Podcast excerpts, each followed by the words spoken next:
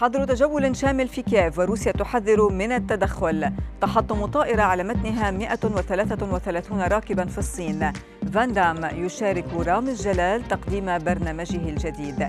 أبرز أخبار الساعات الأربع والعشرين الماضية في دقيقتين على العربية بودكاست.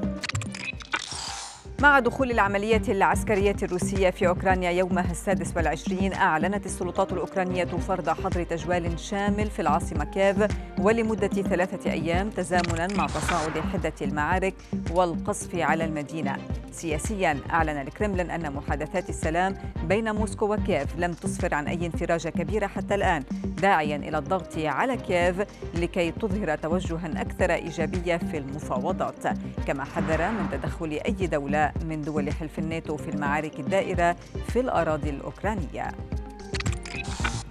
في حادث مروع تحطمت طائرة مدنية صينية على متنها 133 شخصا في مقاطعة جوانشي جنوبي الصين ما تسبب في اندلاع حريق في غابة حيث تحطمت. وفيما لم يتم الكشف عن أعداد الضحايا حولت شركة الخطوط الشرقية الصينية موقعها الرسمي على الإنترنت إلى اللونين الأبيض والأسود حدادا على ضحايا الطائرة المنكوبة. فيما وجه الرئيس الصيني الفرق المختصة بتكثيف عمليات البحث والإنقاذ وإيجاد الأسباب التي أدت إلى هذه الحادثة. في حادث مروع آخر أعلن الدفاع المدني التونسي أن 95 شخصا أصيبوا بجروح في حادث تصادم قطارين في العاصمة مؤكدا أن الحادث لم يسفر عن سقوط قتلى.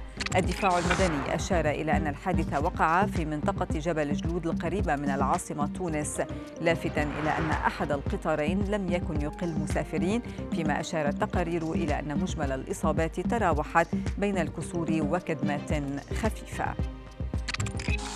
إلى سريلانكا هذه المرة حيث أعلنت السلطات إلغاء الامتحانات لملايين الطلاب في البلاد بعدما نفد ورق الطباعة وذلك بالتزامن مع تعرض البلاد لأسوأ أزمة مالية تمر بها منذ استقلالها عام 1948 الهيئات التعليمية في البلاد أوضحت أن امتحانات الفصل الدراسي التي كان مقررا عقدها بداية من الأسبوع التالي تأجلت إلى أجل غير مسمى بسبب النقص الحاد في الورق مشيرة إلى عجز دور الطباعة عن تأمين نقد أجنبي لاستيراد الأوراق والحبر اللازمين.